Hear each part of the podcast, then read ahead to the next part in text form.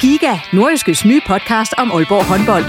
Vil du helt tæt på, hvad der sker i Danmarks største håndboldklub? Vi kommer selvfølgelig til at, til at gå all in. Så lyt til Giga, podcasten om Aalborg håndbold. Det går ondt på et hold som Aalborg, når man ikke leverer det, man gerne vil. Der sætter vi hver uge fokus på de vigtigste historier og største profiler. Dejligt at se, at han er den øh, afgørende faktor, som vi ved, han er. Lyt til Giga, der hvor du finder dine podcasts.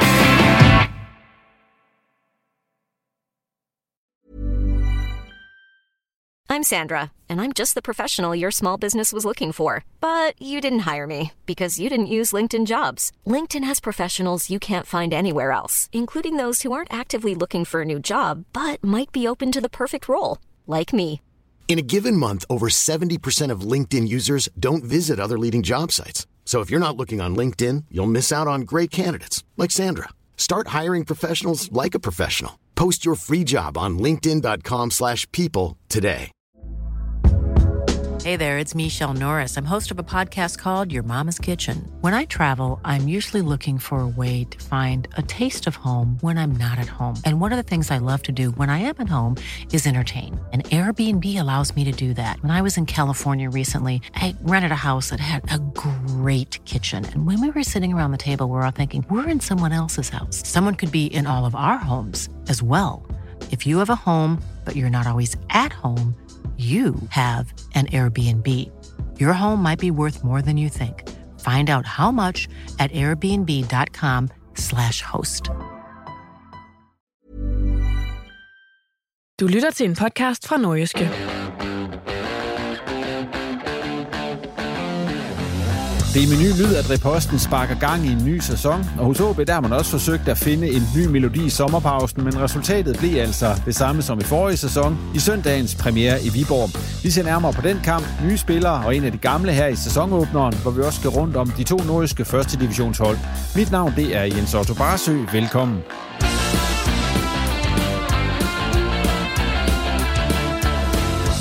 Og med i studiet denne gang er Thomas Jasper, der er sportsjournalist hos det nordiske mediehus, Jakob Allmann, der er venstre bak hos OB, og så Christian Flint Bjerg, der er scout for Borussia Mönchengladbach.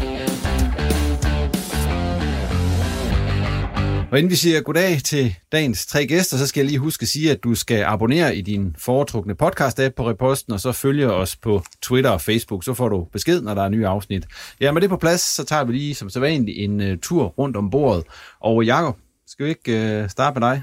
I har jo været til evaluering uh, ude på OB i dag efter kampen mod, mod Viborg i går. Hvordan var sådan en dag?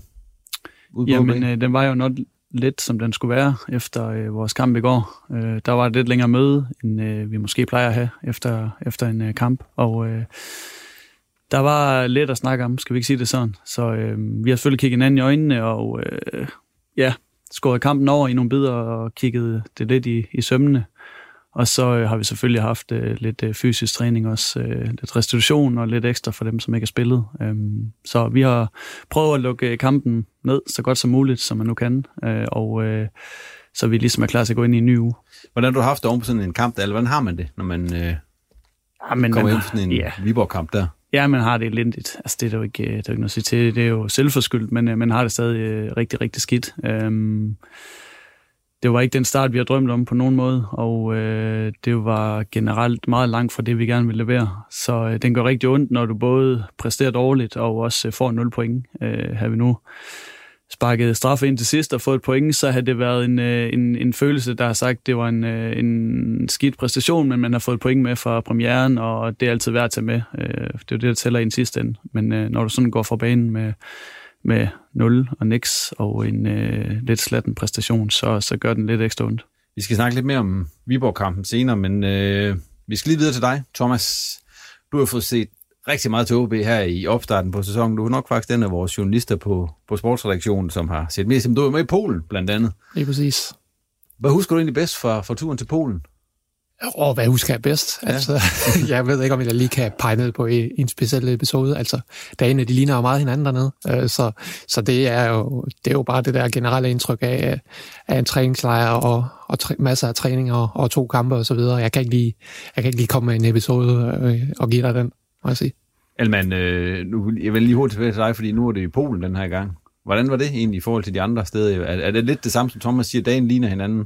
Det handler bare om, at der er en god bane, og så er det godt vejr. Ja, men det gør det. Altså, dagene ja. ligner hinanden. Det, ja. det gør de. Men øh, det, jeg synes faktisk, det var rigtig, rigtig godt. Øh, en af de øh, bedre træningslejre, jeg været på. Øh, faciliteterne, de var suveræne, og øh, banerne var helt vildt gode. Og, og så er det jo lidt unormalt, at vi sådan er afsted øh, så lang tid øh, hen over en sommer, fordi at det er jo typisk en vinterting, det der med at tage på en lang træningslejr. Um, men, øh, men vi havde en fantastisk uge dernede, det havde vi, og øh, jeg synes, vi, øh, vi fik brugt tiden øh, meget, meget fornuftigt på, på rigtig mange måder, så øh, det, var en, øh, det var en rigtig god tur. Vi skal lige opklare noget, fordi OB har lagt sådan en video op på, på deres hjemmeside i forbindelse med den her ryste sammen ting, der var. Og der kunne det godt se ud som om, at der blev danset om dig, og du havde vundet det hele, mens der var nogen, der så skulle klippes, og fordi de havde tabt det hele. Ja. Vandt du det hele, Jacob? Ja, men øh, det er lidt sjovt. Det gjorde jeg. Men øh, lige præcis den der dans der, den var faktisk ikke, den har ikke noget med det at gøre. Det var en, øh, en separat musikquiz, vi havde, hvor øh, taberholdet de skulle øh, fremføre en øh, dans og en øh, sang for resten af truppen. Øh, de valgte så min øh, ja, fansang, stadionsang, eller hvad man kalder det. Øh, og øh, der skulle jeg så op og sidde for ligesom at være en del af den. Men, øh, med selve pointspillet handlede egentlig øh, mest om at finde tre tabere, som skulle klippes dernede. Og ja. øh, der fandt vi jo så også øh, tre. Men alligevel, du vandt Altså pointspillet så? Jamen, det plejer jeg at gøre derude. Det, ja, altså, jeg er en okay. god træningsspiller i hvert fald. okay. Øh, Christian, vi skal videre til dig, og du er jo flot dig i dag. Du har simpelthen kommet med, med kolde forfriskninger til os alle sammen. Ja, det skulle bare mangle jo. Ja, det skulle bare meget. Det er jo ikke øl, skal vi lige sige. Nej, ja, det er kondivand, vi får, så tak for det. Det er det. Ja. Jamen, velkommen. Og Christian, øh, der er jo sket lidt i dit øh, fodboldliv også her hen over sommeren. Øh, du var træner i Skive i sidste sæson samtidig med, at du var scout for Borussia Mönchengladbach. Nu er du så ikke træner i Skive længere. Hvad er der, hvad er der sket? Jamen, jeg har jo de sidste øh, fire år af det efterhånden nu øh, dobbeltjobbet.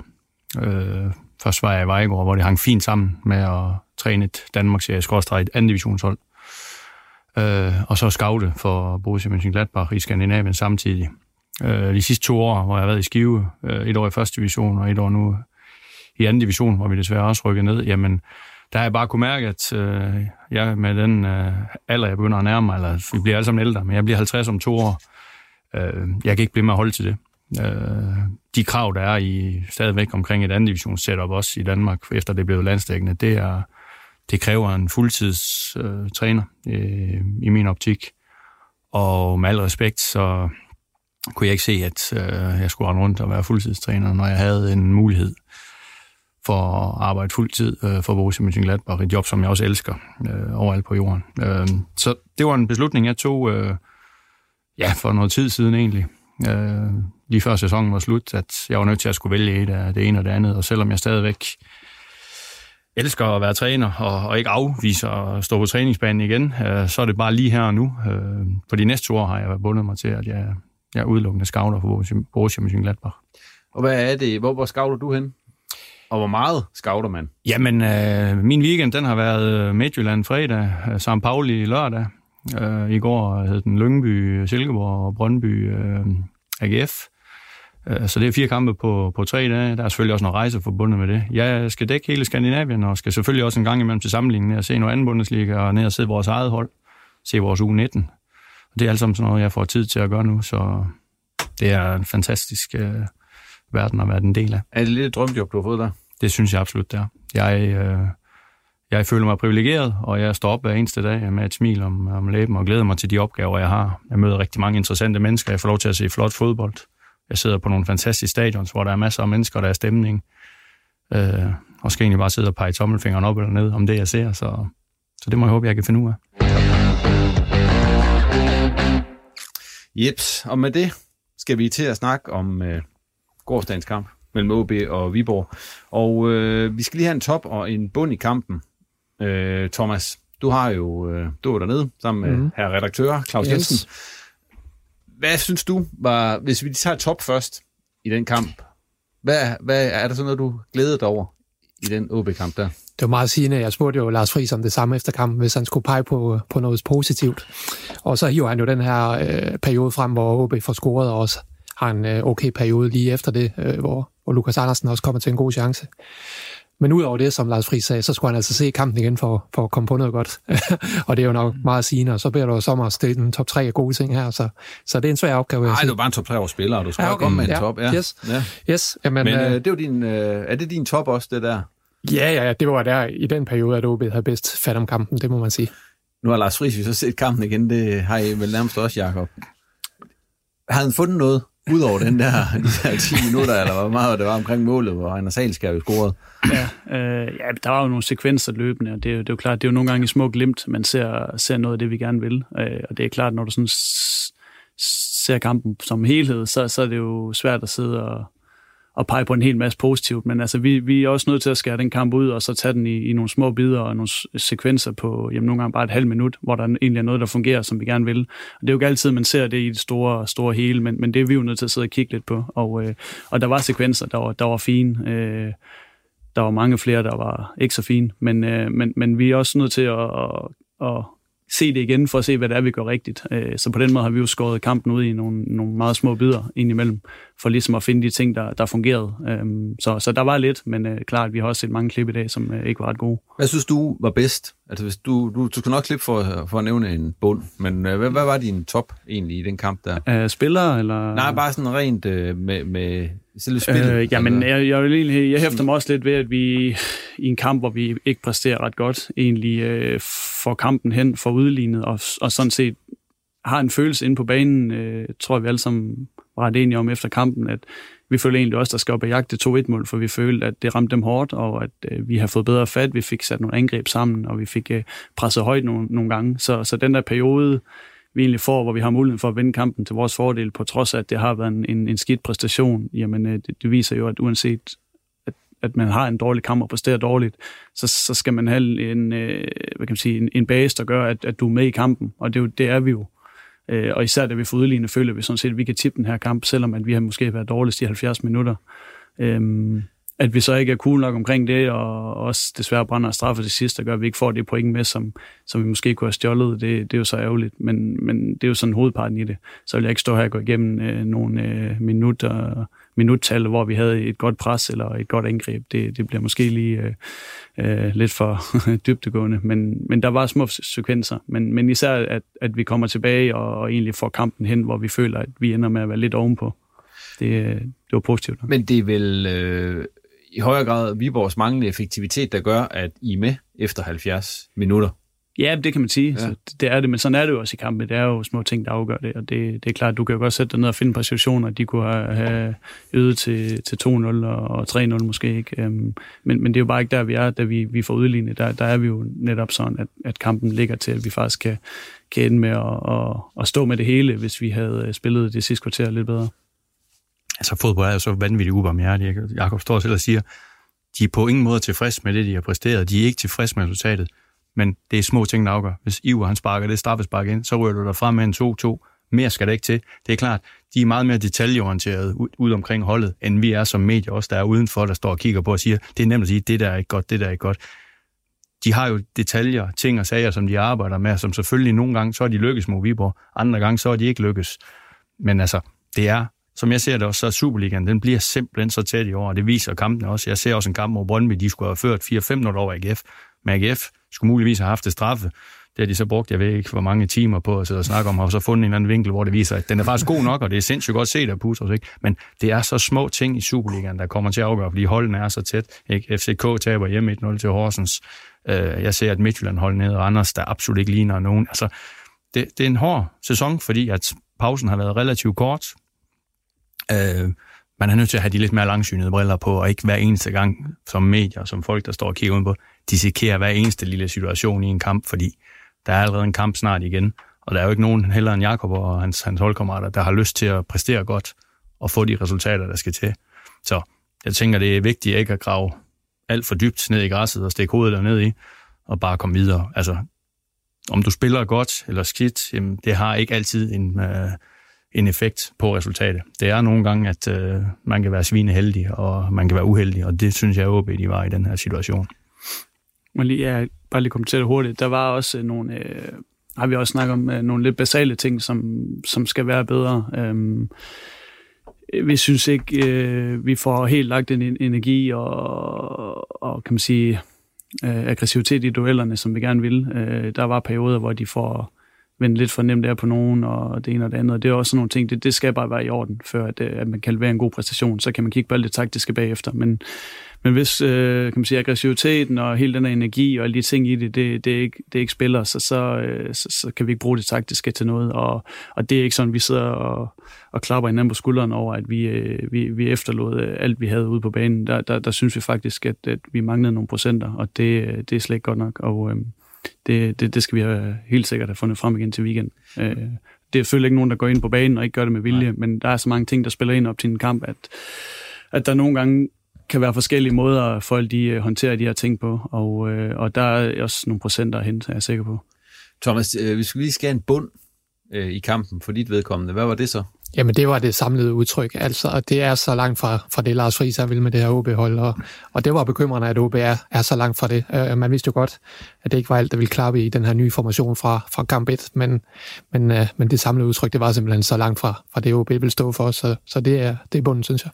Thomas, I sad jo og gav bolde til de forskellige uh, OB'er. Det er jo ikke, fordi der var nogen, der lige frem uh, gik derfra med fyldt net, kan man sige. Nej. Men uh, hvis du har din top 3, eller hvad blev eller hvad er jeres top 3 over spil, eller din top 3 over, over OB-spillerne i den kamp her? Ja, men det er vel, altså som du siger, det er jo meget sådan på, på middelkaraktererne, så det er jo ikke nogen, der for alvor sprang i øjnene, vil jeg sige, fordi øh, som, som sagt, så kollektivt øh, et OB-udtryk, der ikke, øh, ikke var godt nok, men jeg vil, jeg vil sige, Lars Kramer spiller en hederlig debut øh, i, i centerforsvaret.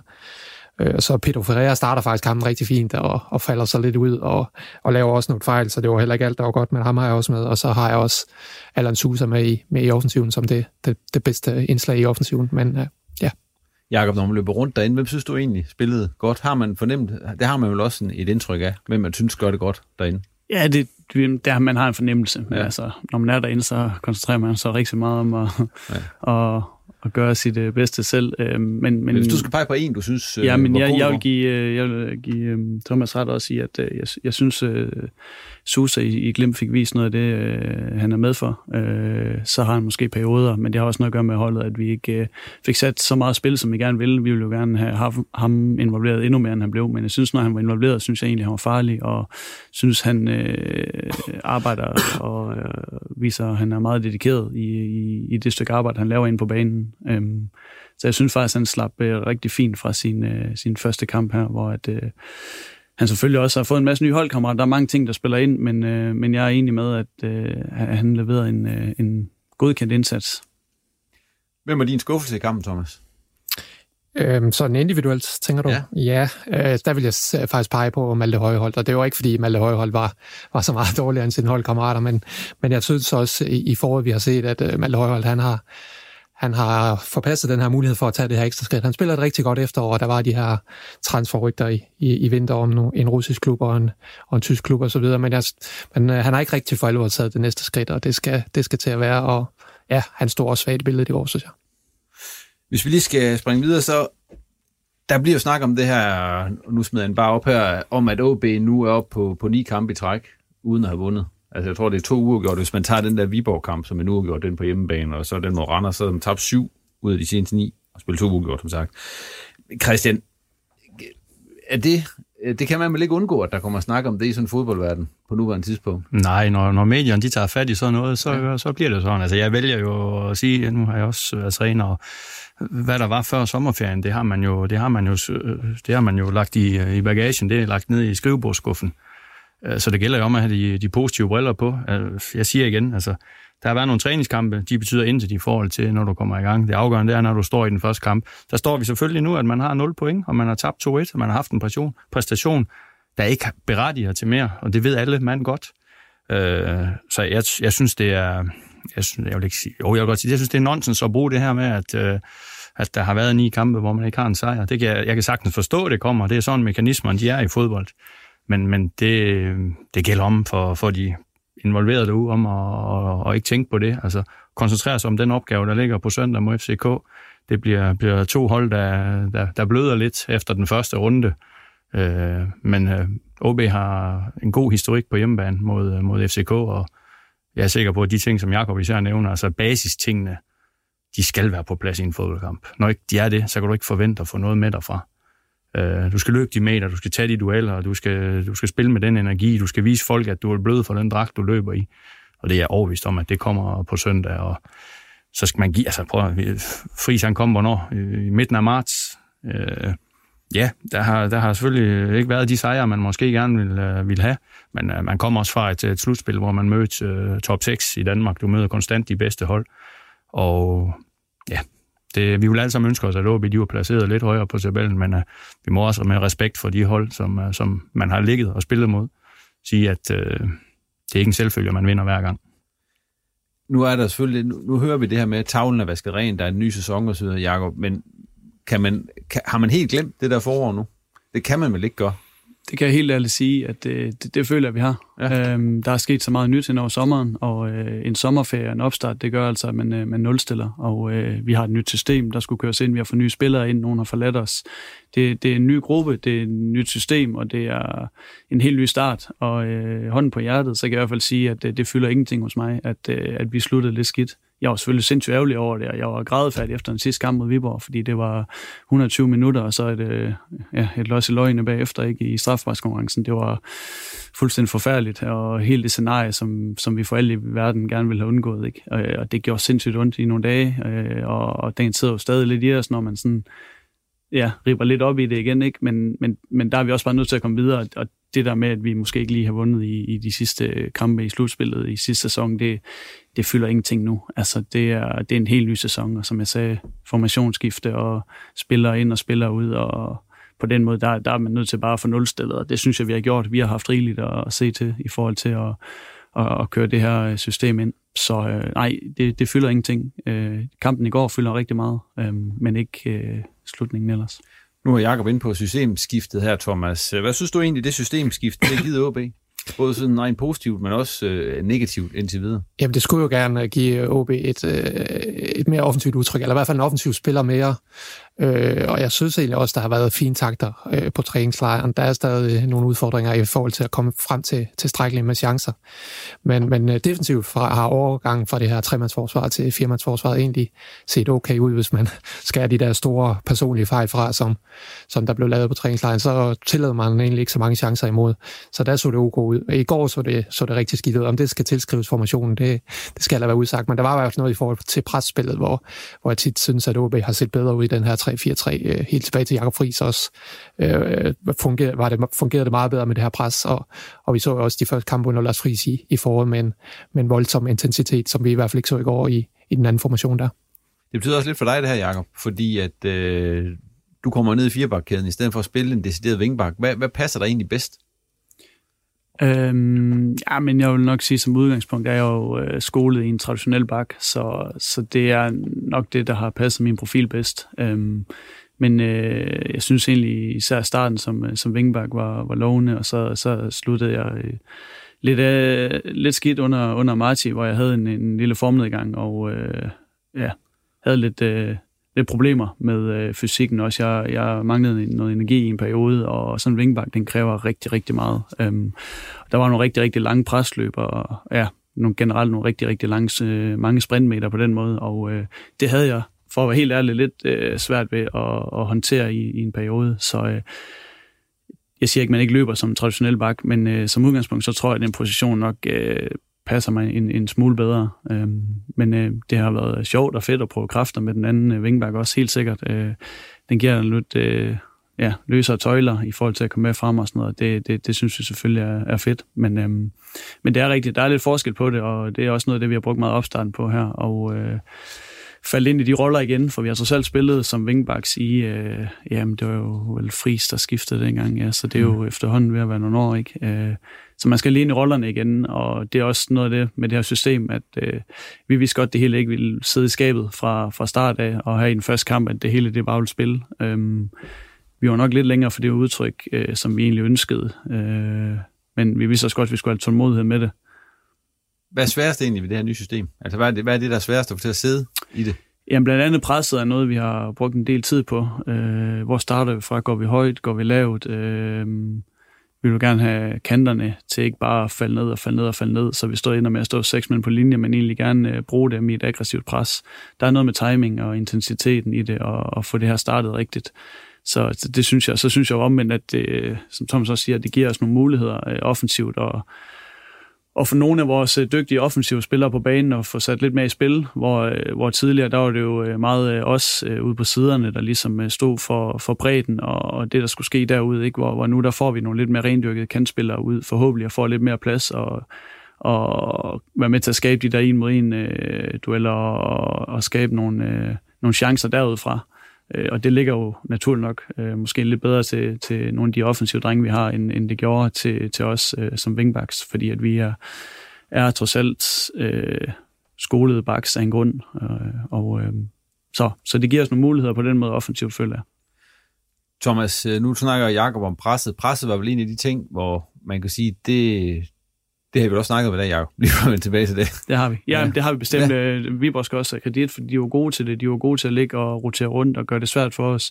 De stod ikke stationært i deres positioner, sådan at, øh, og det ved vi godt, det er jo ikke nogen hold, der bare gør, men vi har håbet, at vi kunne løse det lidt bedre, men, men de var sindssygt dygtige til at ligge og rotere lidt rundt og, og gøre flere spillere i tvivl om, øh, hvem det egentlig var, de skulle gå med, og, og det var vi ikke helt afklaret omkring selvom vi har brugt masser af tid på at forberede os på det, så nogle gange sker der bare ting i kampene, som der gør, at du er nødt til at ændre nogle ting. Det fik vi ikke justeret ret godt ind på banen under kampen, og det gjorde, at vi kom til at løbe lidt rundt øh, uden at, at få rigtig bid. Men det der presspil, Thomas, det er noget, man har, jeg synes, man har snakket meget om det under Jakob Friis. Det startede, øh, det her med presspillet. Har OB på noget tidspunkt, synes du, som du ser det, fået det til at sidde sådan fuldstændig i skabet? Jeg synes, at der var en periode under, under Jakob Friis, og jeg synes også de første kampe under Lars her i, i foråret, blandt andet den her 3-0 kamp mod Brøndby, ja, hvor der var en uh, vild intensitet i det presspil. Uh, øh, der fungerede det, men, men, men jeg, jeg synes, vi har set de bedste eksempler på uh, et velfungerende presspil i den her 3-4-3. Øh, men selvfølgelig kan man også presse ordentligt i en 4-3-3. Det er der masser af eksempler på rundt om i Europa, så, så det kan jo sagtens lade sig gøre. Men Christian, nu er du jo træner, og så implementere så et presspil, det er vel, det er vel svært? Ja, går for, ud fra, fordi ja. at det, det, det er let vil være bare stille sig ved midten, og så ja. bare vente på, at de andre kommer, og så ødelægge ja, det derfra. Du, du kan altid lægge en plan, men ja. det, det svære er jo, dine modstandere, de laver også planer, og de laver planer efter de planer, du laver. Ikke? Altså det, du, skal, du skal jo hele tiden, som Jacob siger, du skal jo hele tiden forholde dig til en ny situation. For det kan godt være, at du har set 10 situationer, hvad de har gjort fra sidste kamp, hvor de gør sådan og sådan og sådan. Og så har de lige pludselig fundet på et eller andet nyt. Ikke? Øh, og igen, det, hvis, hvis der mangler en meter på en spiller i det her, især i det høje pres, jamen så, så er spilleren så dygtig i Superligaen modstander, at to-tre afleveringer, så, så har du spillet fire mand væk, eller fem mand væk. Så det er sindssygt svært, og det er noget med automatismer, der skal trænes.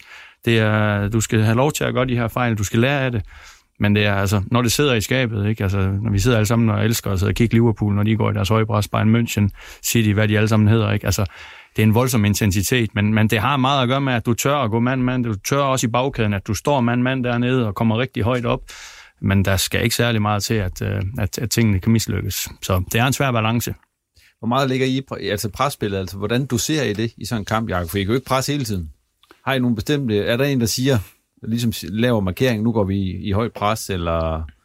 Altså, det er ikke udelukkende en, der bestemmer det. Vi har, vi har selvfølgelig en, en idé om, hvor det er, vi skal starte hen, og hvad det er for nogle øh, ja, triggerbold, kalder vi det, som vi gerne vil gå på. Øh, om det er sådan en stopper-stopper-pasning, eller en, en bak til stopper. Det, det er sådan lidt forskelligt. Um, men vi har jo en idé om, hvor det er, vi gerne vil starte det hen, ja. Og, øh, og, og den plan vil vi jo selvfølgelig gerne... Øh, kunne, kunne føre ud, ikke? Men, men der sker jo også bare nogle ting igen, som, som vi på, der, der roterer lidt, og så falder der en midtbane ned og går med i opspillet, og der, den skal vi jo løse derinde. Det kan vi jo ikke stå og snakke om, øh, snakke om inden, at hvis nu han gør det, eller hvis nu han gør det, så har vi lige pludselig 10 forskellige planer at gå ud fra, og det kan også blive for meget, ikke? Øhm, så, så det er vigtigt, at, at det også kommer lidt ned fra og ind centralt, øh, dem som ligesom har overblikket derinde, øh, at de, de ligesom kan være med til at, via kommunikation at løse nogle udfordringer, der sker ind på banen, som du ikke altid bare kan sætte op på forhånd, fordi du ikke altid ved, hvad der skal ske.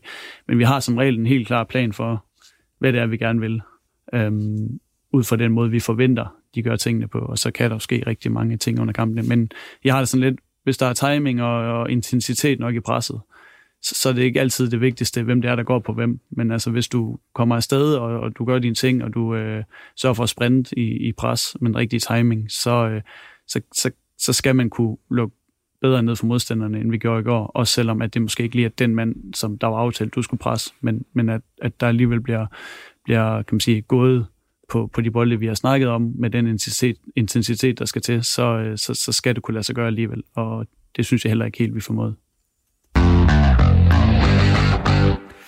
Med det springer vi lige videre til øh, transfers, fordi at øh, som vi også har været inde på, så var der jo nye spillere med hos, øh, hos OB i kamp mod Viborg. Der var vist tre debutanter, som jeg lige husker det. Der var Susa, der var Kramer, og så var der Posa, po, Posavic, kroaten, målmand. Thomas, hvis du lige skal prøve at vurdere de her nye transfers, øh, hvor, øh, hvad for et indtryk har de gjort indtil videre? For man kan sige, at de her tre, vi lige har nævnt her, det er jo dem, der er lettest at vurdere på øjeblik, for øjeblikket, fordi de har mm. også fået en, øh, hvad hedder han, tyskeren der? Ja, Kilian Ludevic. Kilian Ludevic, ja, og så Andreas mm. Poulsen ind. Det er præcis. Ja. Men hvis vi skal vurdere de tre her, altså, altså Susa, Kramer og Posavic, hvordan synes du, at, øh, at de ser ud? Ja, du har jo spurgt i manuskriptet, om det er forstærkninger, og det vil jeg nok svare nej til, men det handler jo også om de spillere, de skal erstatte, kan man sige. Ja. Altså Jakob Rinde er vel en top 3 målmand i, i hvert fald OB's Superliga-historie, og Rasmus Talander er også en, en top Superliga-spiller. Øh, men de vil jo ikke forlænge deres kontrakter, og så stod OB jo i den situation, og i den betragtning synes jeg egentlig, at man har løst det, det ganske fint. Altså Lars Kram har, har afleveret et solidt indtryk her til at starte med. Øh, han mangler noget fart, øh, men ellers øh, en, en rigtig stærk forsvarsspiller, både på bolden og i, i sine dueller. Og på sig væk er også overordnet et, et godt indtryk. Han har en rigtig skidt øh, sidste træningskamp nede i Polen, hvor han laver nogle store fejl. Men i går så det egentlig, at han giver en enkelt retur til Jakob Bunde, som han nok ikke skulle have givet lige ude i det, det område i hvert fald.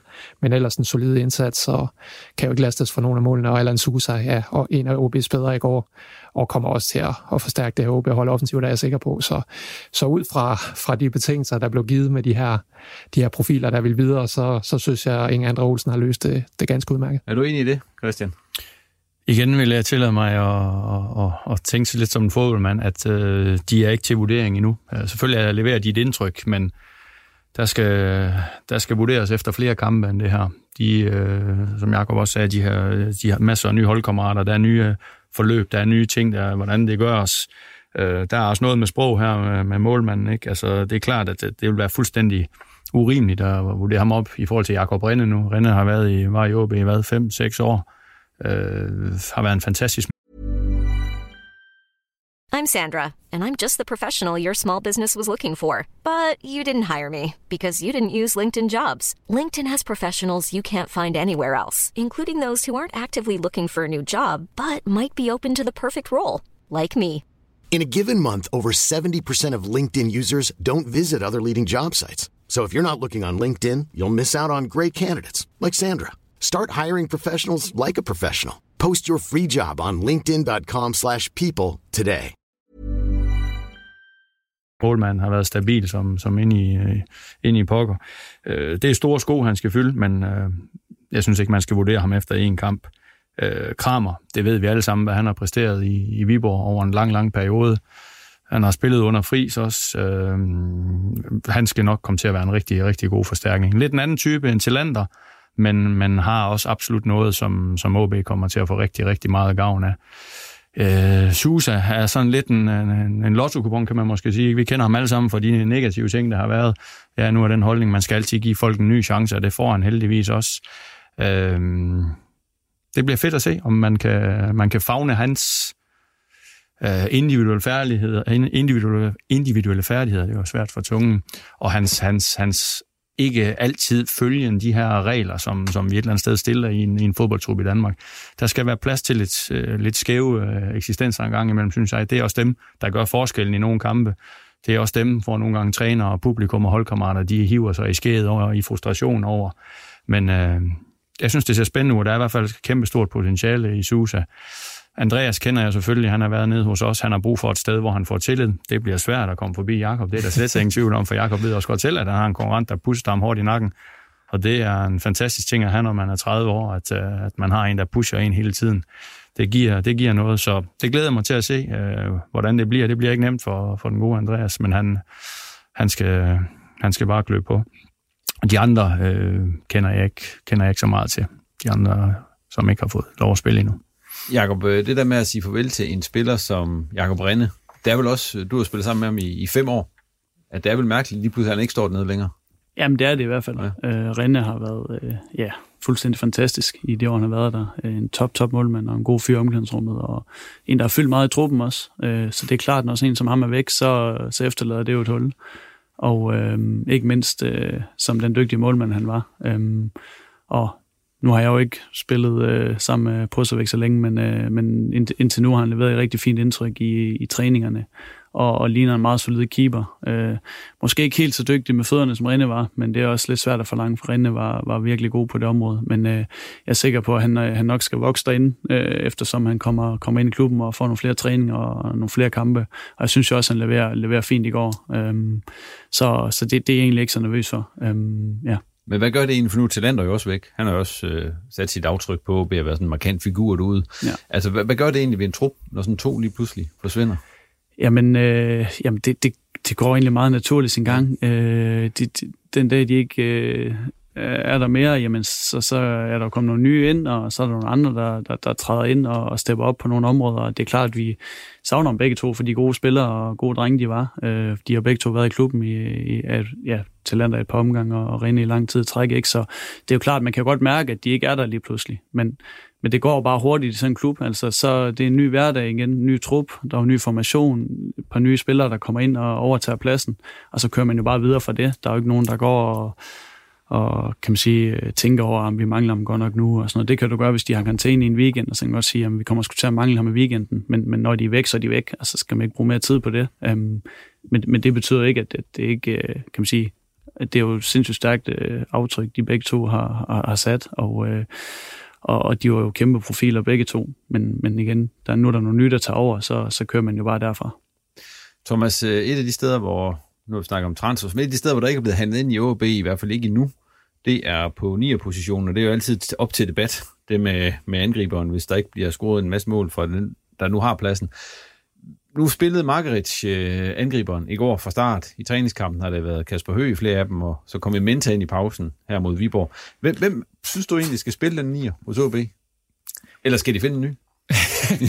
ja, vi diskuterede det også sidste gang, og, ja. og ideelt set øh, ville det jo selvfølgelig være fint at, at finde en, en spiller, der, der kan mere af det, som Lars Friis efterspørger. Det, det, det her det her også lidt skiften frem og tilbage med, at i generalprøven var det Kasper Høgh, og så er det Milan Margaritz i, i den første kamp. Det, det vidner jo selvfølgelig også om, at uh, Lars Friis han er, han er lidt i tvivl. Uh, Milan Margaritz han er jo den bedste sådan, uh, afslutter af, af de tre. Er, er knap så god i presspillet som Kasper Høgh, og det er jo hans fordel, men Kasper Høgh han er, har så nogle udfordringer i andre dele af spillet, og i Menta der er også der er også både pros and cons ved ham. Så, så OB har jo ikke den angriber, hvor man bare siger, at det er ham der. Øh, men hvis du, du, du tvinger mig til at give svar, så vil jeg stadig sige, Milan Margaritz, det er ham, jeg synes, øh, man får det største output på. Men kommer han til at spille? Tror du det, Christian, eller tror du, at man finder på en anden løsning for at få nogle af de andre dygtige kræfter i spil? Altså, man har jo Lukas Andersen, man har Luka Prip, man har Kasper Kusk, man har Allan Sousa. Ja, og altså- Oliver Ross, for den til at skyde ja, ja, jeg synes jo, der, jeg tænker ikke, OB er på jagt efter en ny, for igen, altså, skal du ud og finde en angriber, der bare vælter alle dem der, og siger, at jeg skal spille hver gang, og jeg garanterer 15 mål, det tror jeg ikke, OB har økonomi til at hente sådan en spiller. Og det ser vi også, det er det største problem herhjemme.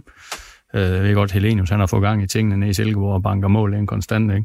Øh, det, så, det stod heller ikke lige i korten efter, at han øh, havde nogle år i AGF, hvor det ikke ligefrem kørt. Men altså, det, det er det sværeste at finde den her spiller, og det dyreste at finde. Jeg synes, øh, OB har masser af offensiv kraft. Det gælder om at få, få sat tingene op, og det gælder om at få fundet den, der, der, der er tilliden værdig hele tiden.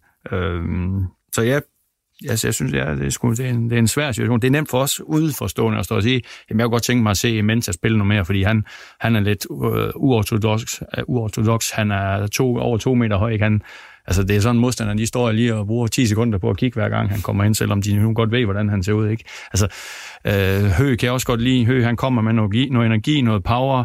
Margarit, det er den her øh, brydetype, ikke? Der, der, der, der lever ind i feltet, helst ind i det lille felt, og putter de her grimme mål ind sådan lidt Gert Møller, ikke overhovedet på det her niveau, på ingen måde, det er ikke det, men lidt den type derinde.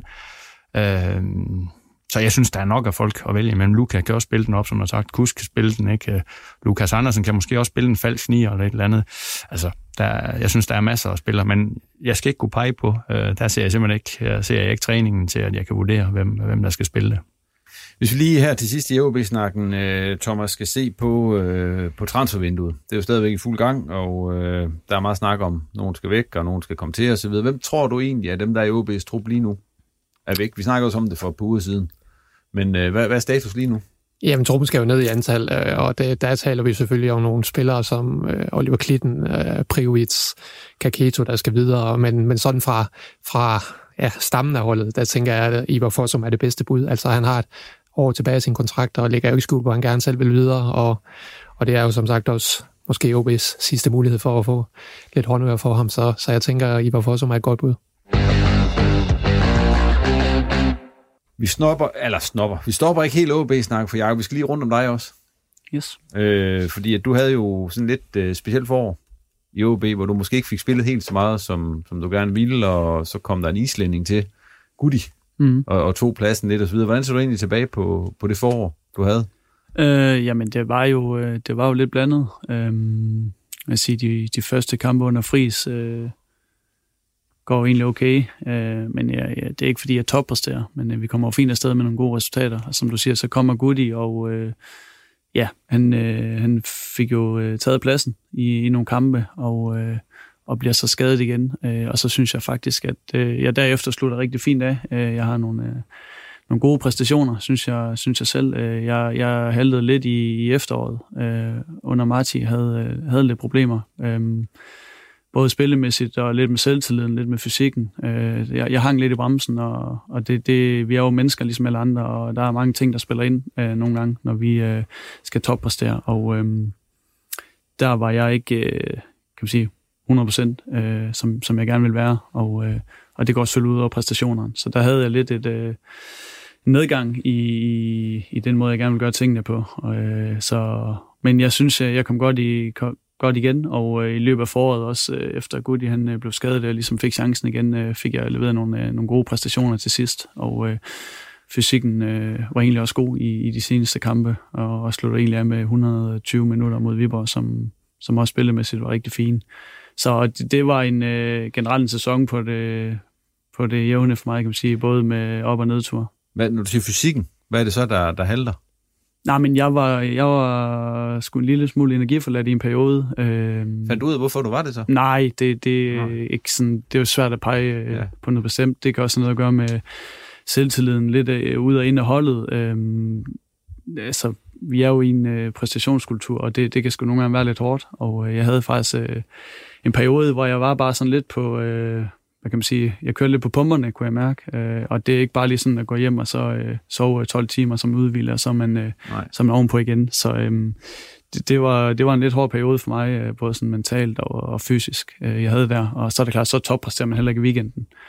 Øhm, men der var kun en vej ud af det, og det, det var at, at arbejde og lige så stille få, øh, få, kan man sige, komme tilbage igen og, og få hele lysten og selvtiden tilbage igen, og, og det gør man bedst, eller det gør jeg i hvert fald bedst ved at, ved at give en gas til træning og ligesom øh, komme ud og få vist mig frem igen, og, øh, og på den måde arbejde, arbejde mig tilbage øh, på holdet, og, øh, og det lykkedes jeg jo med delvist hen i, henad i, i efteråret, og, og i foråret synes jeg egentlig, at jeg langt hen ad vejen øh, kom godt efter det igen, og øh, fik leveret nogle øh, fine præstationer. Så øh, Nej, der er ikke en specifik grund, men øh, mange forskellige ting, der sådan spiller ind i, i løbet af, af sådan en sæson. Ja, men er der noget, du drejer, var der noget, du gjorde, gjorde så? Sådan konkret noget, du kunne dreje på og sige, det prøver jeg at gøre i stedet for det her, i stedet for noget, jeg har gjort?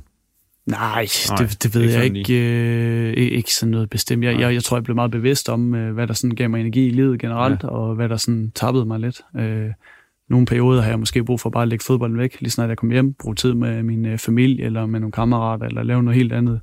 Og andre gange, så, har, så sidder man jo og sluger fodbold fra morgen til aften, ikke? og ser kampe og ser analyser og hører podcast og sådan noget. Og det kan sgu egentlig godt være, at man nogle gange har brug for at få lagt det lidt til side, for, for, for at samle noget energi og, og hvad kan man sige, bare slå hovedet lidt fra en gang imellem. Ellers så kan det blive rigtig meget fodbold. Og hvis man så er inde i en dårlig periode, og, og man siger, man får hug i, øh, i medierne, og man, øh, man læser en, øh, en, en artikel om det, eller man hører en podcast om det, ikke? og det, det, det er ikke sikkert, det giver dig noget godt. Så der er mange måder, man ligesom kan komme, komme lidt ud af, af det der igen, og så øh, og give lidt slip og blive lidt mere fri af, af de ting, som der også følger med, øh, når man er i den her verden, som vi er i. Nu, så, nu har du været igennem en opstart her igen, hvor du jo så vandt på konkurrencen i Polen, og det har været godt. Men hvordan har den opstart så været? Jamen, øh, personligt har den også øh, været god, synes jeg. Ja. Øh, kom tilbage i rigtig fin forfatning. Jeg sad lige over en enkelt træningskamp, øh, de havde en lille smule problemer lige i en træningslejr, som vi helst ikke ville tage nogle chancer med. Øh, men ellers så har jeg været med i det hele, og øh, synes, jeg har haft nogle fine træningskamp. Øh, så generelt føler jeg mig i en god forfatning, og har ja, en god energi, og glad for den måde, vi gør tingene på derude lige nu, og jeg synes, vi har en stærk trup og, og trives øh, rigtig godt. Så, øh, så jeg synes generelt, at min opstart har været øh, meget, meget fin. Og du har fået en ung konkurrent, som Christian har allerede været lidt ind på det med Andreas Poulsen, ja. som øh, han er vel købt ind, fordi at, øh, ja, jeg ved ikke, om han skal have pladsen eller hvad, men han er i hvert fald købt ind for konkurrence på, ja. på venstre bak. Hvordan ser du egentlig den øh, konkurrencesituation? For det er jo et ungt talent. Ja, som, det, øh, det er det, og det er jo ikke bare en, øh, en, en mester hvem som helst, de, de har hentet ind. Øh, Andreas er en, en, en god spiller og er blevet solgt øh, meget, meget dyrt at være ude og prøve sig i udlandet, ikke? og det, det, det er jo ikke for sjov, han har været derude. Så øh, det ser jeg som en, en hård konkurrence øh, mellem ham og mig. Øh, som jeg også har sagt tidligere, så ser jeg det også lidt som et samarbejde, øh, i og med, at vi har nogle forskellige kvaliteter begge to, og der kan både blive brug for den ene og den anden øh, weekend efter weekend, eller også i løbet af kampene, hvis du har brug for at ændre noget. Øh, og igen, det, kan også, det er også en fysisk krævende plads, og jamen, der er jo mange ting, der gør, at, at, at man bytter lidt rundt. Øhm, men som sagt, så ved jeg også godt, det er sjældent, du starter med at spække to på banen fra start af, så, så på den måde vil vi kæmpe om, om spilletiden begge to, og der skal jo være konkurrence. Jeg synes generelt, at vores trup lige nu bærer præg, at der er rigtig, rigtig hård konkurrence på mange pladser. Øhm, så, så det er jo en del af gamet, det, det tager jeg meget roligt. Øh, jeg er sikker på, at han kan lære noget af mig, og jeg kan lære noget af ham, og øh, vi har jo kun for, at vi øh, ja, gerne vil have, hvad klubben og holdet øh, gør sit bedste, øh, og så må vi se, hvem af os, der, der får minutterne. Men jeg lader mig ikke slå ud, fordi jeg skulle ud på bænken i et par kampe, der har jeg prøvet før, og jeg har også kæmpet mig tilbage igen, og jeg har også røget af igen. Så jeg er der også, og det tror jeg også Friis han ved, øh, er, er holdets mand i mange henseender, og har været i rigtig mange år. Så hvis jeg skulle ryge på bænken en, en kamp eller to, så er det ikke sådan, jeg kan man sige, får lyst til at, at give op af den grund. Nej, det er jo også, øh, nu skulle jeg til at sige, at når man er blevet din alder, mm. så, så lærer man vel også det der, at se sådan på det, i stedet for hvis det nu var dengang, du var 25, og han var blevet hentet ind, en direkte konkurrent. Ja, helt enig. Det har været en, en lidt anden situation, fordi på det tidspunkt, der, der, der, skal, man, der skal man spille, og der, der spillede jo også, og var, var en profil og alt det der, og så har det været lidt mere op og ned her på det sidste, og jeg ved jo godt, at, at det øh, er, er en lidt anden aldersgruppe, jeg tilhører nu end på det tidspunkt. Øh, men der er ikke sagt, at jeg føler, at jeg er ved at være færdig overhovedet, men, men men jeg tager måske konkurrencen lidt mere roligt nu, end jeg ville have gjort på det tidspunkt. Øh, fordi jeg ved, at det er en del af gamet, og jeg har været igennem det, det, det før, og, øh, og man får i hvert fald ikke noget ud af at, kan man sige, lade sig gå på af det. Hvad arbejder du egentlig med, med i, i spillet, sådan, når man kommer op på den anden side af 30 som, som venstre bak? Mm. Fordi man kan sige, du har jo arbejdet på den plads i, i hele din karriere. Altså, ja. hvad, hvad for nogle ting går du ind og, og, og kigger på nu? Øh, jamen, det er rigtigt. Man er jo aldrig færdig som spiller. Det, det er du først den dag, du stopper, kan man sige. Øh, men lige nu har vi brugt rigtig meget tid på, på det taktiske, og sådan set lige omstille sig til at være en firebakkæde igen. Øh, der er nogle ting, der, der sad på ryggraden før, som lige skal tilbage igen, så det har vi selvfølgelig brugt enormt meget øh, tid og, og, og fokus på. Men, men ellers så, så er det en helt, det, det, det er mange forskellige ting. Det, det er jo offensiv, det er jo indlæg, det er jo øh, en mod en defensiv, det er jo timing og pres. Der, der er ikke noget specifikt, jeg sådan... Øh, vi har haft øh, lidt fokus på i forhold til øh, det der med at, at hæve vores øh, sådan sprintmeter de sidste, øh, sidste år. Fodbold er blevet meget eksplosivt, og det er også noget, man har bedre mulighed for at måle nu. Så der er jo øh, nogle gange, det giver nogle muligheder for, at man løber ugen, jamen så, så er det måske det, vi, øh, vi, vi lægger nogle ekstra løb ind eller noget, for ligesom at sige, at du skal ramme det her øh, antal øh, meter i løbet af en uge, øh, hvor det ved jeg i hvert fald, at det gjorde vi ikke for syv år siden øh, på den måde. Så på den måde, der bliver vi jo målt øh, på rigtig, rigtig mange parametre efterhånden, og så er der tit noget fysisk, du kan skrue på. Du har kontrakt to år endnu ja. med OB. Øh, er du begyndt at gøre dig tanker om egentlig, hvad der skal ske bagefter? Ja, det er selvfølgelig lidt. Ja. Øhm, men ikke, ikke mere end, at, at det ligger stadig sådan lidt ude i, ja. i, langt ud i fremtiden, synes jeg jo nu. Altså, synes jeg, der er jo nok at se til og, og gøre lige nu, og det er ikke sådan, jeg går og tænker, efter de her to år, så, så skal jeg have fundet mig et arbejde, altså, altså uden for fodbolden. Det, jeg håber, at der er mere af mig, øh, og det, det er jo det, jeg arbejder på hver eneste dag, men det er klart, jeg tænker da også lidt fremad, og, og har jo en del kammerater efterhånden, som også øh, enten er stoppet eller nærmer sig, og det er jo, det er jo et emne. Øhm, man vil gerne ud og, lave noget, der giver mening også bagefter. Øh, jeg har taget mig en uddannelse øh, undervejs i øh, en bachelor i sportsmanagement, og øh, den er jo sådan ret åben. Øh, så, men jeg har trods alt brugt tiden på os at, at at sætte mig lidt ind i nogle andre ting omkring øh, sporten og, og alt det, der ligger bagved og sådan nogle ting, og det har da givet mig øh, nogle redskaber, jeg forhåbentlig kan få brug for os på et tidspunkt. Øhm, men, men længere i det er jeg heller ikke end, øh, end, end det. Ej, du har som sagt også to år endnu. Ja, Med men den her det er- kontrakt, så kan det- det være, der kommer en til. Forhåbentlig mindst to år. Mindst to år. Mindst to år. Ja, altså, vi skal ikke pensionere dig nu, Jacob. Nej, det, skal vil nok det, være det vil med. jeg være ked. Yes, tak for det, Jacob. Det var slet. Og fortsat uh, god sæson. Ja, tak. Thomas, nu er det nok især dig, vi lige skal hive fat i, og måske også Christian lidt, fordi vi skal lige rundt om øh, de to øh, nordjyske første divisionshold, som jo starter. Sæsonen øh, Vendsyssel starter på Fre- fredag mod Hillerød, ja. Hillerød oprykkerne fra Hillerød. Yes. Og Hobro søndag i, i Køge mod HB Køge. Yes. Og hvad er status på de her to øh, hold, inden øh, vi skal i gang med Ja. sæsonen i første, eller i Nordic Bet Ligaen, som det jo hedder? Ja, hvad er status? Øh, Skal vi starte med Vendsyssel, så, så kan vi sige, at uh, Tobias Anker han er kommet ind fra FC Midtjylland, en, en centerforsvar, øh, var udlejet til Fredericia i sidste sæson, og så har man hentet ham her, Mathias Jakobsen fra FCK U19, også en centerforsvarskrådstreg defensiv midtbanespiller, og så har man jo så sagt farvel til anføreren Sandro Schenk, der er taget hjem til Holland, og viceanføreren Mikkel Volkemuth, han er taget til Fredericia, og Boateng, som så var udlejet, Christoffer Boateng var udlejet til, til videre i sidste sæson. Han er taget til fra Marmar og blevet solgt, og så er hollandske Ole Kotte, Thomas Ole Kotte, han er også væk, og Jeppe Pedersen er selvfølgelig tilbage i OB, var på leje sidste år, så der er, der er mere ud end ind i hvert fald i Vendsyssel. Ja. Og Vendsyssel, jeg kan se, deres optag til sæsonen her, de har spillet en trætestkampe, som jeg lige umiddelbart kan se det. De tabte den seneste her til Fredericia, 2-3. Så har de spillet 2-2 mod Hobro, og så har de tabt 1-5 til Randers FC i den første. Altså, det kan man vel ikke lægge det helt store i. Christian, Nej, spørge du møder et Superliga-hold øh, i den første kamp, tror jeg det var. Ja. Øh, så er man ligesom i gang. Det er mange hold, der gør jo. Ja. Øh, testkampe er testkampe, der bliver skiftet, der er nogle prøvespillere, nye folk, der skal køres ind. Man vil selvfølgelig gerne altid vinde alle fodboldkampe, sådan er det. Men, men det, det er når man kommer i gang, det er det, der tæller. Jeg bider mærke i, at der har været mindre udskiftning i, i Vendsyssel, end der har været tidligere. Der har vi ved alle sammen selv historikken igennem de seneste par år, hvad det har været. Ja. Det er ligesom om, der er kommet lidt ro på derop nu. Man har fået Henrik op nu, og han har fået lov til at lægge sit, øh, sætte sit præg på tingene. Øh, armbevægelserne er stadigvæk til mere end det, de, de kommer til. De havde ikke ambitioner om at skulle spille nedrykningsspil. Det tror jeg heller ikke er deres ambitioner i år igen. Man er nødt til at kigge på, hvad for en kvalitet efterhånden der er i første division. Ikke? De to hold, der kommer ned, dem der kommer op, kan jeg selv sige. Næstved er et rigtig, rigtig fint hold. Hillerød øh, var måske det næstbedste hold. Jamen, sådan er det, når de rykker op, så er det det næstbedste hold. Det er en rigtig, rigtig kompetitiv række, øh, og det er ikke selvskrevet at Vendsyssel, de lander i top 6, det er jeg nødt til at sige. De der spillere, de har hentet ind, det er jo to øh, unge forsvarsspillere, Mathias Jakobsen og så Tobias Anker. Altså, er, er, er det forstærkninger, eller, eller, eller hvad er det? Øh, Jeg antager, at uh, Tobias Anker han skal ind over og tage over for Sandro Schenk ind i det her midterforsvar. Ja. Så han skal jo i hvert fald spille, øh, men om det er en forstærkning, altså det er jo anføreren, han skal, han skal afløse jer, og så ikke uh, Sandro Schenk, han havde et fint CV, som han kom til Vendsyssel med, men, men han imponerede jo ikke lige frem, synes jeg ikke. Det var ikke sådan, han var en profil i første division i hvert fald. Øh, og Tobias Anker er selvfølgelig en spiller, i Midtjylland har troet på tidligere, han har så været meget skadet og spillet heller ikke så meget i Fredericia i sidste sæson. Det er også en spiller, der skal genstartes, men, men spiller, de tror på i Vendsyssel. Men der er stadig nogle områder på det her Vendsysselhold. Altså den her midtbane, hvor både Volkemut og Jeppe P., de er, de er væk, der skal ske et eller andet. Og der er også venstre bakken, hvor man er, er lidt tynd. Så, så jeg tænker ikke, Jakob Andersen og Henrik Pedersen, de er færdige nu.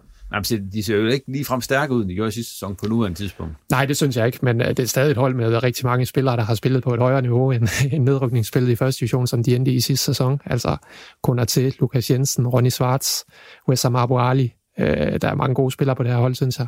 Øh, så får man det til at klikke, så er det et hold, der skal, der skal kæmpe mere om at komme i top mm. 6, og det, det er jo også, øh, det svarer, de bruger, de bruger en del penge på det hold her, og det, så økonomisk er det også et top 6 hold i, i første division jo. Nu har der været en del snak om øh, de her angriber, Vessam og, og Ronny Schwartz. Altså, hvad, hvordan har de set ud her i opstarten?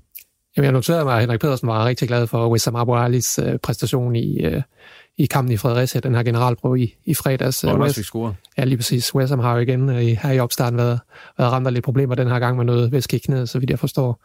Øh, så det er jo en spiller, som... Altså, han har nærmest ikke spillet nogen kampe det sidste års tid. Så, så det er jo en spiller, de skal have i gang, og det samme med, med Ronny Schwartz. Altså, man forventede jo nærmest, at han kom ind og ødelagde i første division, og det gjorde han jo så langt fra. Øh, men, jo, men han kom også i en fysisk forfatning, som, som ikke var, var alt for god, men det er jo en spiller, som skal være en, en profil på det her vendsysselhold. Hvis vi lige springer videre til Hobro, så er det jo ikke fordi, der, altså, de har sagt farvel til, til en god chatspiller, øh, men ikke ligefrem sådan nogle markante profiler.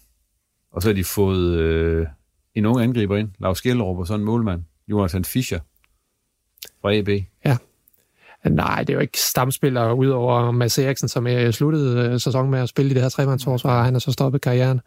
Øh, så det, og i og med Jakob Hjort, som også var rigtig meget skadet, og Kristoffer Østergaard også er væk, så er man tynd i den her, når man vil spille med tre stopper, så, så, så har man har nærmest kun tre nu øh, fordi Jesper Bøge han også er skadet, så, så jeg tænker, det er en plads, de skal kigge på. Det er en smal Hobro-trup, det her, og Lars Justesen har også meldt ud, at der skal spares penge igen i år, så, så selvom Hobro de har en ambition om at være top 18 i dansk fodbold, så tænker jeg, at, at man, skal, man skal rose Martin Thomsen og Lars Justesen, hvis bare de holder det her hold i første division. Er det også sådan, du ser det, Christian? Ja og nej. Øh, jeg synes, det er svært at svare på. Øh, Hobro havde jo et forfærdeligt efterår. Ikke? Øh, Thomsen startede med, jeg ved ikke, hvor mange kampe der gik, før de fik en sejr. Og gik vel meget usikker fremtid i møde, både som, som træner og som hold.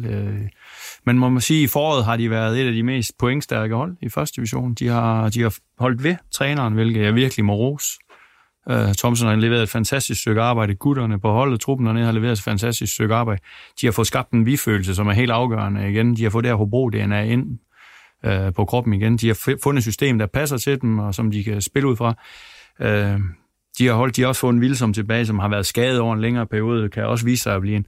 Ham Skellerup, de har fået en, ham så jeg mod Skive, hvor han laver to mål for dem. Det har man også set øh, øh, i, i Randers Øh, det er selvfølgelig en ung gut, der lige skal ind og, og følge. 19. Ja, han er 19 år lige præcis.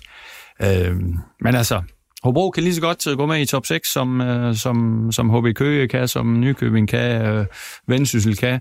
Øh, men det kan også sagtens være, at de kommer til at spille øh, nedrykningsspil. Det, det bliver også en rigtig, rigtig tæt og kompetitiv række, det der, øh, som er svært at spå, hvordan det ender.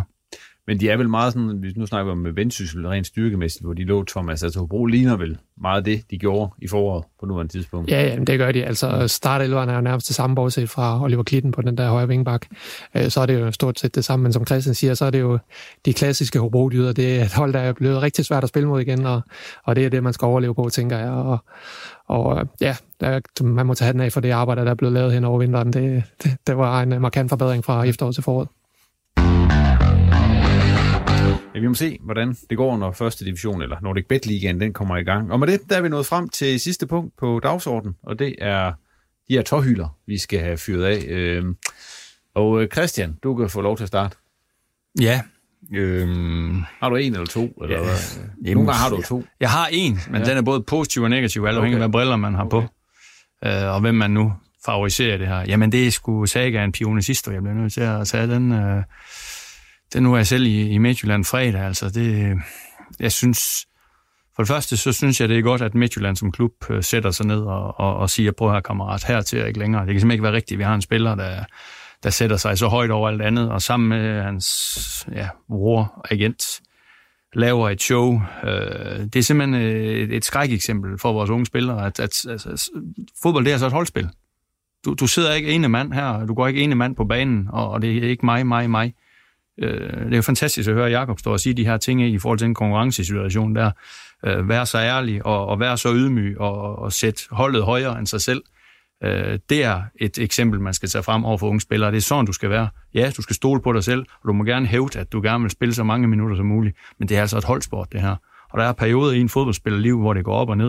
Og desværre, så siden Pionicisto, han øh, blev udtaget på landsholdet, og han, han viste sig frem på en fantastisk måde, sådan så selv de største klubber i Europa, de overvejede ham, jamen så, så er der gået et eller andet øh, galt, og, og desværre nok op i den øverste etage øh, hos den unge mand. Øh, jeg skal ikke stå her og kritisere, men jeg synes, jeg synes det er ærgerligt, ærgerligt, at vi lander i sådan en situation, hvor at, øh, der foregår sådan et show der. Øh, det, er, det er dårligt for Midtjylland som klub. Det er i den grad dårligt for Pionicisto, fordi Helt ærligt. Altså, jeg ved godt, der sker mange rare, mærkelige ting i fodbold. Og det kan sgu godt være, at der er nogen, der synes, at jamen, han skal have en chance med ham der. Men, men pege på en klub, der tager sådan en mand igen nu. Ikke? Altså, ja, jeg synes, det er voldsomt ærgerligt. Men ros til Midtjylland for, at de, øh, de ikke finder sig i hvad som helst, og ikke øh, lader en spiller diktere. Øh, vi havde også nu Lewandowski i Bayern München. Ikke? Jeg ved igen ikke 100% hvad der sker, men meget af det foregår i medierne. Altså, øh, det ender heldigvis godt. Bayern München får 50 millioner euro for dem. Jeg ved ikke, hvor Barcelona de finder den fra, for de skylder en milliard her eller der, ikke også?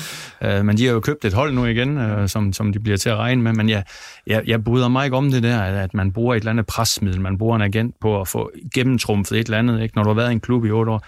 Jeg, jeg nyder at høre Jakob stå og snakke, og den, altså, du kan bare mærke, at den mand, der er unge mand derovre, han har et OB-hjerte i sig, ikke? Og der, nu, nu har jeg også selv været træner. Altså enhver træner elsker at have sådan nogle typer som ham der i sin trup, fordi du ved, hvad du får, og du har en, en der tænker vi i stedet for jeg. Og det er det, der drejer sig om i fodbold. Det går altså kun sammen i fodbold. Det går ikke alene. Tak for det, Tor Hylder. Selv. Selv. til dig, Thomas. Selv. Jeg tager hjerten på i den her omgang, ah, øh, i starten af sæsonen trods alt. Ja, okay. Ja, men jeg har valgt Christian Eriksen, og det er jo med den historie, det, det sidste års tid, altså, altså 12. juni i parken for et år siden, der, som de sagde, der var han død i, hvad det, fem sekunder, eller hvad det var, nu står han i Manchester United. Det kan godt være, Manchester United sportsliga, hvad de har været, men, men det er godt kommet tilbage, synes jeg, Eriksen, så kan du for det. Tak for den, Tor Hylder Sommer, så, så slutter du af med dig, Jakob. Ja, jamen, øh, så vil jeg hive øh, en af de øh, øh, sige, nye regler, der er kommet frem. Øh, vi må have to ekstra mænd på bænken nu. Ja. Og det synes jeg faktisk er rigtig fint. Øh, for når jeg sådan lige tænker tilbage på dengang jeg var ung og kom op i Superliga-truppen og sådan noget, der, der, for mig der var det jo alfa og omega, om jeg overhovedet, altså om jeg kunne få en plads på bænken i weekenden. Det var jo øh, altså, det, var det, man arbejdede for hele ugen, og det var jo fuldstændig fantastisk, når man fik lov at være med der. Øh, og det var sgu egentlig, om du kom ind eller ej, men bare det, du følte dig som del af holdet, og det der med at, at, at føle, du egentlig, du fik lige klap på skulderen, fordi du egentlig var, var med på bænken, og det betød noget. Jeg lærte meget af det, selvom jeg i først, jamen jeg tror, der måske jeg sad uden 25-30 gange, der, der kun var tre udskiftninger, ikke? Og, uden at komme ind, og der var det ikke lige venstrebakken, man skiftede først, men, men jeg sad der en del gange, men jeg, jeg synes jo, det var fedt, altså hver gang, og jeg fik lov at snuse til det, og det gjorde bare, at da jeg så begyndte at få nogle indhop og begyndte at spille, jamen så, så, så var det ikke så nyt for mig mere, fordi jeg havde siddet ude nogle gange. Og jeg er sikker på, at nogle af, af de unge drenge, som måske kommer med på de her pladser øh, på bænken, de kommer til at sætte rigtig meget pris på det, og måske få en lidt nemmere overgang i forhold til, når de sådan skal til at være en vigtigere del af holdet, altså så har de været med omkring mange gange før. Øhm, så jeg synes egentlig, det er et meget, meget fint initiativ, og giver selvfølgelig også træner nogle flere muligheder, Øhm, men det giver også øh, nogle af ydermandaterne i truppen, jamen øh, muligheden for at være med lidt flere gange, Øh, fordi det er hårdt at blive siddet fra. Der er ikke så mange, der, der snakker om det, men det er hårdt. Øh, løbe og give dit bedste hele ugen, og så bliver der udtaget 18 mand øh, om søndagen, eller dagen inden om lørdagen, og, og så er man ikke med der, og så, så, så, det, det, så føler man sig ikke som del af, kan man sige, af holdet. Og det gør altså, at, at der er et par stykker mere hver weekend, der ligesom får den her følelse af, at, at de har noget at bidrage med. Øhm, så det synes jeg er meget fint. Og det var alt, hvad vi havde på programmet denne gang i Reposten. Tak til gæsterne for, at de kom forbi, og til dig for at lytte med. Som jeg vist også fik sagt i starten af udsendelsen, så skal du huske at abonnere på Reposten i din foretrukne podcast-app, så er du sikker på at få besked, når der er nye afsnit, og det kan du altså også få ved at følge os på Facebook og Twitter. Du må vente lige omkring to uger, inden vi er klar igen med analyser, interviews og debat om de højst rangerede nordiske fodboldhold. Nyd sommeren og på genhør.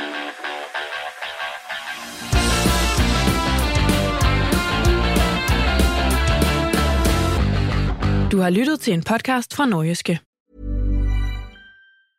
Hey, it's Paige DeSorbo from Giggly Squad. High quality fashion without the price tag. Say hello to Quince. I'm snagging high-end essentials like cozy cashmere sweaters, sleek leather jackets, fine jewelry, and so much more. With Quince being 50 to 80% less than similar brands. And they partner with factories that prioritize safe, ethical, and responsible manufacturing. I love that. Luxury quality within reach. Go to quince.com slash style to get free shipping and 365 day returns on your next order. Quince.com slash style.